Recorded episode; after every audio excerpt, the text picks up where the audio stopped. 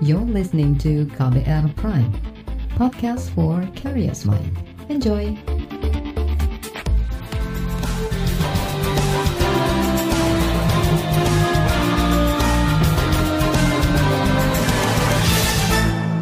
Anda mendengarkan kabar sore hari ini 16 Juli 2021, saya Reski Mesanto. Selamat sore saudara, senang sekali saya kembali hadir sore hari ini dan seperti biasa saya hadir selama kurang lebih 30 menit ke depan. Sore ini saya siap menjadi teman Anda dan saya mau ajak Anda untuk mengulas program pemerintah berupa pembagian paket obat gratis untuk terapi COVID-19. Paket obat yang diproduksi perusahaan BUMN ini diklaim tidak diperjualbelikan dan dibagikan gratis ke masyarakat yang menjalani isolasi mandiri. Program pembagian obat ini menuai kontroversi karena tiap pasien COVID-19 berbeda-beda obatnya tergantung kondisi kesehatan. Selain itu, pembagian obat juga melibatkan TNI Polri. Selengkapnya kita akan bahas sore hari ini di KBR Sore. Saudara, pekan ini pemerintah meluncurkan program pemberian paket vitamin dan obat-obatan gratis bagi warga yang tengah menjalani isolasi mandiri di rumah karena terpapar COVID-19. Saat meluncurkan program itu Kamis kemarin, Presiden Joko Widodo mengatakan Paket obat gratis ini untuk meringankan beban dan resiko warga yang terpapar. Ia juga menyebut ada tiga paket obat yang akan didistribusikan kepada warga untuk tujuh hari masa isolasi mandiri. Pemerintah akan segera membagikan paket vitamin dan obat untuk isolasi mandiri gratis di wilayah-wilayah yang berisiko. Untuk tahap sekarang ini, yang akan dibagikan adalah 300 ribu paket untuk yang melakukan isolasi mandiri di Pulau Jawa dan Bali. Kemudian akan dilanjutkan dengan 300 ribu paket lagi untuk yang di luar Jawa. Ada tiga jenis paket obat isolasi mandiri yang kita bagikan masing-masing untuk tujuh hari. Ini seperti yang sudah terlihat di depan. Paket satu, ini berisi vitamin, vitamin untuk warga dengan PCR positif tanpa gejala atau OTG. Ini yang paket satu.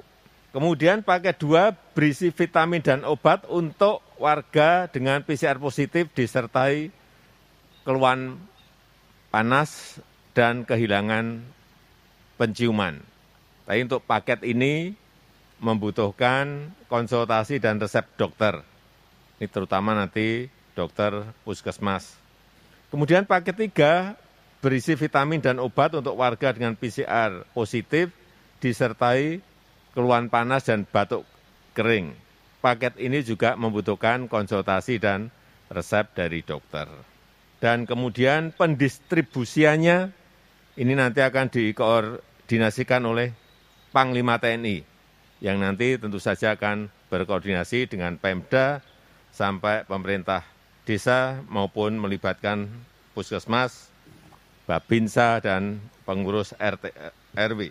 Saya minta agar dilakukan pengawasan yang ketat di lapangan agar program ini betul-betul bisa maksimal mengurangi risiko karena COVID dan membantu pengobatan warga yang menderita COVID-19. Itu tadi Presiden Joko Widodo. Sementara itu Panglima TNI Hadi Cahyanto mengatakan, aparat TNI hanya bertugas mengawal dan mengawasi distribusi paket obat agar tepat sasaran. Pembagian dilakukan aparat Bintara Pembina Desa atau Babinsa TNI Angkatan Darat didampingi petugas dari Puskesmas atau Bidan Desa. Bapak Presiden telah memerintahkan kepada TNI untuk mendistribusikan paket obat-obatan kepada masyarakat di wilayah Jawa dan Bali, termasuk memastikan bahwa obat-obatan tersebut sampai kepada tangan masyarakat yang membutuhkan. Tentunya dalam pendistribusian 300 ribu paket tahap pertama ini, para babinsa akan didampingi oleh petugas dari puskesmas maupun bidan-bidan desa di wilayah tersebut.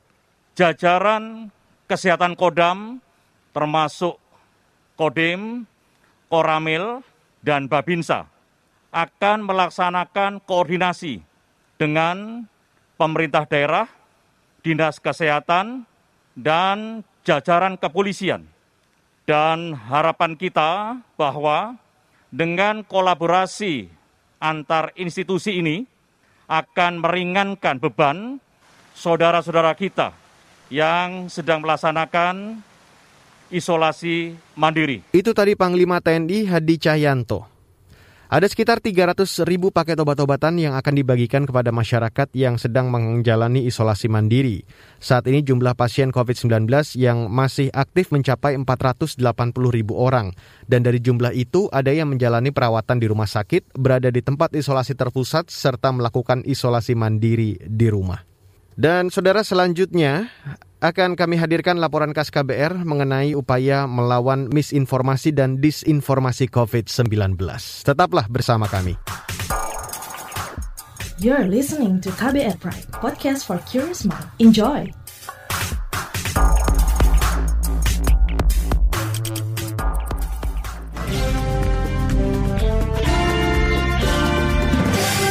Saudara Menteri Koordinator Bidang Kemaritiman dan Investasi Luhut Binsar Panjaitan memperingatkan media agar tidak membuat berita yang kontradiktif atau berbeda dengan kondisi penanganan COVID-19 di tanah air. Luhut juga meminta tidak ada politisasi di tengah situasi pandemi. Apakah pertanyaan Luhut itu sesuai kenyataan? Berikut saya hadirkan laporan khas KBR yang telah disusun oleh Sindu Darmawan. Penularan COVID-19 di Indonesia memburuk selama hampir dua pekan terakhir. Kemarin, pertambahan kasus mencapai lebih dari 56 ribu per hari. Secara akumulasi, ada lebih dari 2,7 juta kasus COVID-19 di tanah air. Dari jumlah itu, lebih dari 70 ribu orang meninggal dan 2,1 juta orang sembuh. Kritik dari berbagai pihak terkait penanganan pandemi mengalir ke pemerintah. Pemerintah disebut tidak maksimal dalam penanganan COVID-19, sebab ada sejumlah hal yang hingga kini belum kelar ditangani pemerintah. Semisal soal bantuan sosial, insentif nakes yang molor, rumah sakit yang penuh, dan oksigen yang sempat langka. Hal itu juga menjadi berita utama sejumlah media selama proses penanganan pandemi. Kritik dan pemberitaan itu membuat Koordinator Pemberlakuan Pembatasan Kegiatan Masyarakat PPKM Darurat Jawa Bali, Luhut Binsar Panjaitan, geram. Hal itu disampaikan Luhut saat konferensi pers kondisi PPKM Darurat secara daring kemarin. Nah ini saya mohon supaya kita paham, varian Delta ini varian yang tidak mudah dikendalikan. Jadi saya mohon kita tidak usah berpolemik, membuat berita-berita yang kontradiksi atau statement saya dipotong-potong. Kalau boleh saya titip teman-teman media, kita ini menyelamatkan nyawa orang, ini kemanusiaan. Jadi makin banyak kita bikin berita-berita tidak benar, makin stres orang, makin banyak orang meninggal. Jadi kalau Anda membuat berita-berita tidak benar untuk supaya maaf media Anda populer, anda sebenarnya cenderung membuat orang lain bisa cedera. Saya titip betul itu. Ini data ini. Silakan Anda cek. Dalam konferensi pers tersebut, Luhut tidak menyebutkan detail media-media mana saja yang membuat berita tidak benar soal COVID-19 dan siapa pihak yang mempolitisasi penanganan pandemi di Indonesia. Dewan Pers merespon apa yang disampaikan Luhut. Ketua Komisi Hubungan Antar Lembaga Dewan Pers Agus Sudibyo meminta kritik yang ditujukan kepada pers harus dibarengi dengan fakta agar tidak menimbulkan kesalahan tafsir tentang media massa di masyarakat. Menurutnya, pers memang perlu menerima kritik semacam ini. Selain itu, pers juga harus menaati kode etik agar terhindari dari disinformasi soal COVID-19. Tetapi saya tidak bisa memungkiri bahwa ada berita yang seperti itu tuh ada itu. Tetapi jangan sampai yang terjadi adalah generalisasi kan. Seakan-akan semua media begitu. Nah itu bahayanya dari pernyataan seperti itu adalah kalau sampai menimbulkan persepsi kemudian antipati bahwa seluruh media, seluruh pemberitaan media itu menimbulkan ini bah apa ya e, turunnya imunitas gitu loh. Agus menambahkan, media massa tidak boleh menggunakan bahasa-bahasa yang berlebihan, sensasional, atau provokatif dalam pemberitaannya, sebab penggunaan bahasa tersebut akan menimbulkan ketakutan yang dapat mengarahkan masyarakat untuk bertindak irasional. Menurutnya, saat ini pers harus mempertimbangkan dampak yang ditimbulkan dari pemberitaan yang dibuat. Selain Luhut, beberapa hari terakhir ada sejumlah poster yang beredar di media sosial – Poster ini berisi ajakan untuk tidak lagi mengunggah berita tentang COVID-19 agar tidak menimbulkan kepanikan.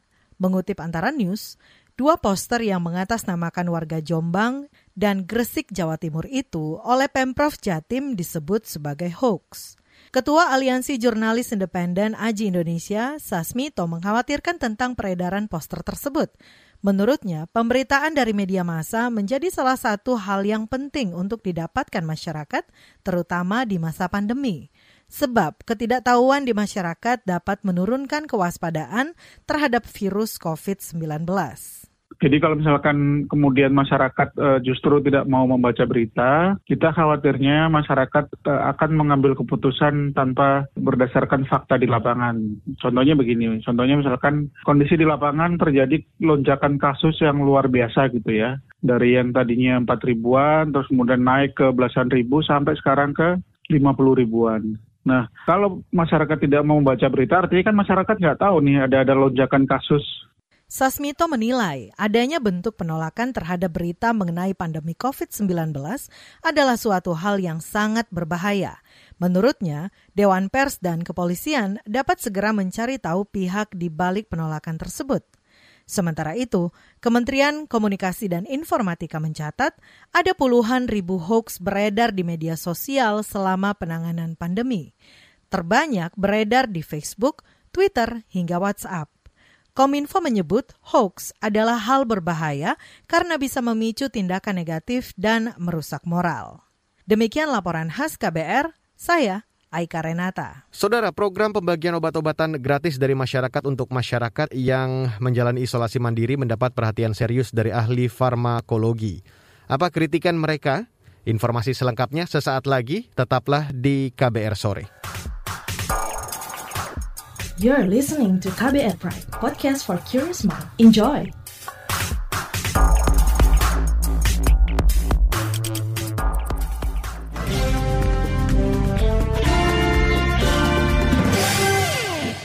Terima kasih Anda masih bersama kami di KBR Sore.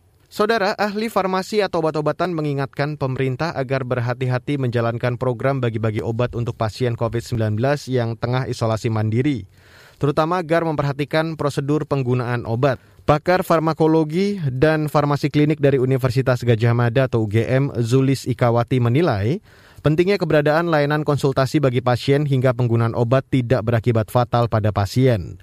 Berikut saya hadirkan perbincangan jurnalis KBR Heru Haitami bersama pakar farmakologi dan farmasi klinik UGM, Zulis Ikawati. Ya, Prof. Julis, uh, Baru-baru ini Pak Presiden Jokowi meluncurkan pembagian obat bagi pasien COVID yang sedang melakukan isolasi mandiri.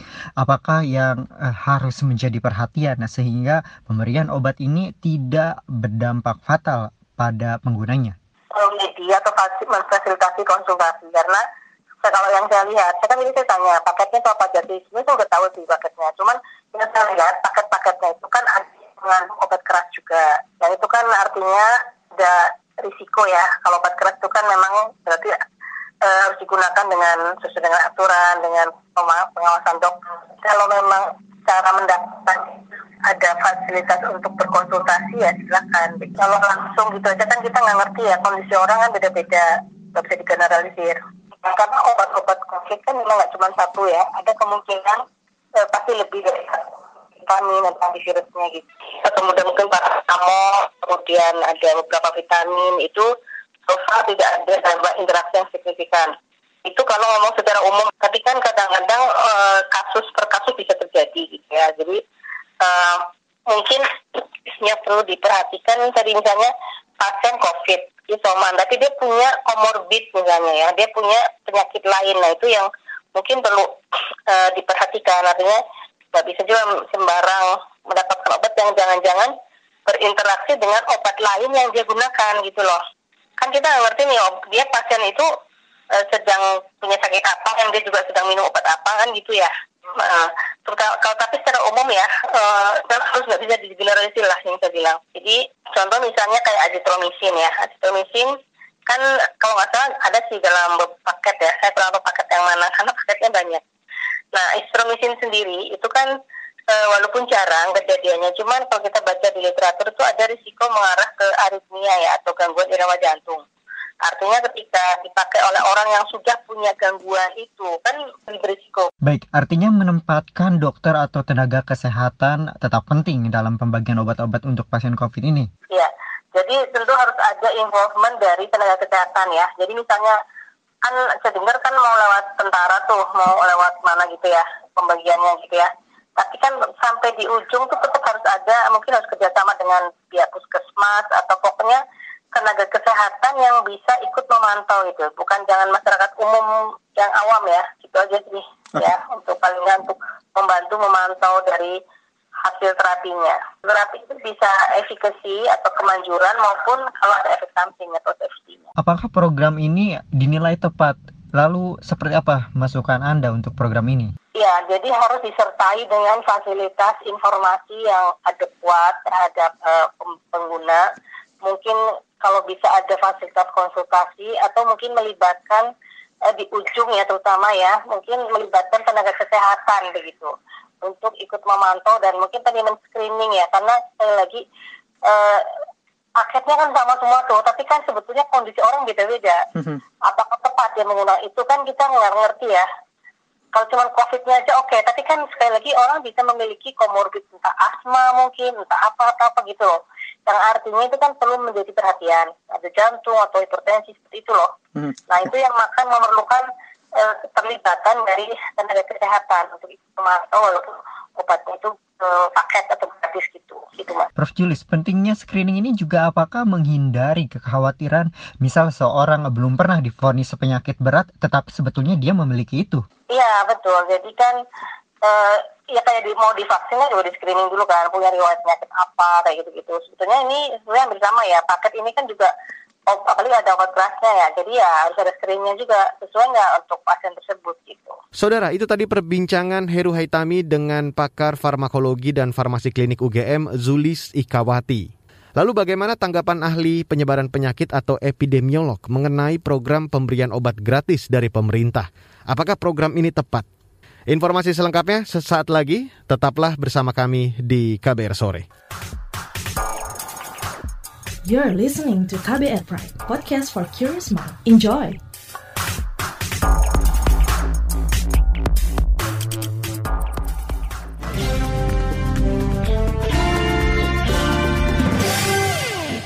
Dan saudara inilah bagian akhir dari KBR sore hari ini. Saudara, epidemiolog dari Universitas Indonesia, Pandu Riono menilai program pembagian obat terapi COVID-19 tidak tepat untuk dilakukan meskipun pemerintah tidak memungut biaya atau menggratiskannya. Semestinya, pemberian obat menyesuaikan kondisi dan karakteristik pasien. Pandu Riono mengatakan kebutuhan pasien bisa berbeda satu dengan lainnya, meskipun pasien itu masuk dalam kategori orang tanpa gejala ataupun bergejala ringan sekalipun. Selengkapnya, saya ajak Anda untuk mendengarkan perbincangan jurnalis KBR Siti Sadida dengan epidemiolog dari Universitas Indonesia, Pandu Riono. Kan pemerintah sedang ada program yang distribusi obat gratis untuk pasien OTG dan gejala ringan gitu. Menurut Bapak, apakah langkah ini tepat begitu Pak? Artinya kan ada semacam menyamaratakan kondisi pasien begitu karena jenis obatnya kan sudah ditentukan gitu ya Pak. Kalau menurut saya tidak tepat. Itu artinya uh, seakan-akan pemerintah itu hanya fokus pada pengobatan. Padahal OTG itu tidak perlu obat. Yang penting OTG itu harus diisolasi supaya tidak menularkan pada orang lain. Sebagian besar OTG dan bergejala ringan tanpa pengobatan pun akan sembuh. Ya, tapi yang paling berbahaya adalah mereka menularkan. Jadi harusnya dibantunya adalah fasilitas tempat isolasi bukan dikasih obat. Sedangkan obat-obat lain itu jangan dibagikan langsung ke masyarakat juga. Ya kan? Hmm. Itu harus diberikan ke fasilitas kesehatan. Yang berhak memberikan adalah dokter dan nakes yang sudah ditunjuk di fasilitas kesehatan. Tidak bisa orang lain karena itu melanggar undang-undang. Bahwa semua obat keras itu harus diresepkan, bukan distribusikan dan harus mendapat pengawasan dokter. Jadi linknya adalah link dengan pelayanan kesehatan. Kita harus memperkuat jejaring layanan kesehatan untuk bisa membantu. Jadi bukan uh, bukan membuat sendiri, menerobos, membagikan, mendistribusikan obat seperti yang pernah dilakukan oleh Pak Muldoko dan yang lainnya, bahkan di TNI mau mengerahkan Babinsa. Nggak bisa cara-cara seperti itu, walaupun pelayanan kesehatan kita sekarang mengalami uh, kesulitan. Karena kita hanya mengandalkan pelayanan kesehatan di yang miliknya pemerintah. Kita harus memanfaatkan semua pelayanan kesehatan yang ada, yang swasta, yang individual, dokter praktek dan sebagainya dihubungkan ke sana. Artinya tadi yang Bapak sudah menyebut juga soal Babinsa mengikut sertakan pendekatan militer untuk membantu tenaga pendistribusian sebenarnya juga memang belum tetap tepat gitu ya Pak ya? Iya, saya nggak tahu apakah itu namanya pendekatan militer ya. Hmm. Tapi kalau petugas non kesehatan ya nggak ngerti apa-apa, ya kan? Itu berbahaya. Disangkanya semua orang itu kondisinya sama. Enggak, beda-beda. Yang bisa mengevaluasi adalah tenaga kesehatan. Kita kerahkanlah semua tenaga kesehatan yang ada. Banyak yang sudah lulus dokter, yang tinggal direkrut untuk dikontrak oleh pemerintah. Itu yang harus dipercepat bagaimana supaya tenaga kesehatan yang kita makin berkurang tapi bisa tergantikan dengan yang muda-muda yang baru lulus yang sudah selesai udah internship sudah tinggal udah dilantik dan sebagainya. Ya kan? Ini yang harusnya dikaryakan ke sana gitu kan. Jadi bukan mengarahkan TNI mengarahkan Babinsa dan sebagainya itu bukan membangun sistem pelayanan kesehatan itu merusak sistem pelayanan kesehatan di dalam pandemi ini kita mempunyai kesempatan emas bagaimana membangun sistem pelayanan kesehatan yang andal, terutama sistem pelayanan kesehatan primer. Soal pembagian obat ini kan memang tadi tidak tepat, tapi pemerintah sudah menjalankan begitu Pak. Nah, mungkin saran dari Bapak supaya lebih apa ya lebih tepat. Ya diperbaiki, hmm. Diperbaiki, dihentikan semua. Hmm. Oh. Dilingkan tadi yang saya sarankan membangun sistem pelayanan kesehatan serahkan kepada Kementerian Kesehatan pemerintah daerah yang kemudian kita bisa merekrut semua tenaga kesehatan yang belum uh, yang sudah siap untuk lulus untuk bekerja. Saudara, itu tadi Pandu Riono, ahli epidemiolog dari Universitas Indonesia. Dan perbincangan tadi sekaligus menutup KBR sore untuk hari ini 16 Juli 2021. Terima kasih untuk Anda yang sudah bergabung di KBR sore hari ini dan jangan lupa untuk selalu memantau informasi terbaru melalui kabar baru atau Anda juga bisa mengunjungi website kami di kbr.id. Update informasi terbaru juga bisa Anda dapatkan melalui official Twitter KBR, at berita KBR. Dan untuk Anda yang tertinggal KBR Sore untuk hari ini, Anda kembali bisa mendengarkannya di podcast KBR Sore. Ada di Spotify, KBR Prime, dan tentunya platform mendengarkan podcast lainnya. Selamat menikmati akhir pekan Anda dan jangan lupa untuk selalu menerapkan atau mematuhi protokol kesehatan di mana pun Anda berada. Dan apabila tidak ada kebutuhan yang benar-benar mendesak, tetaplah di rumah akhir pekan ini. Kita bersama-sama untuk memutus rantai penyebaran COVID-19 ini dengan mengurangi mobilitas. Mewakili tim redaksi yang bertugas sore hari ini, saya Reski Mesanto undur diri dari KBR Sore. Salam.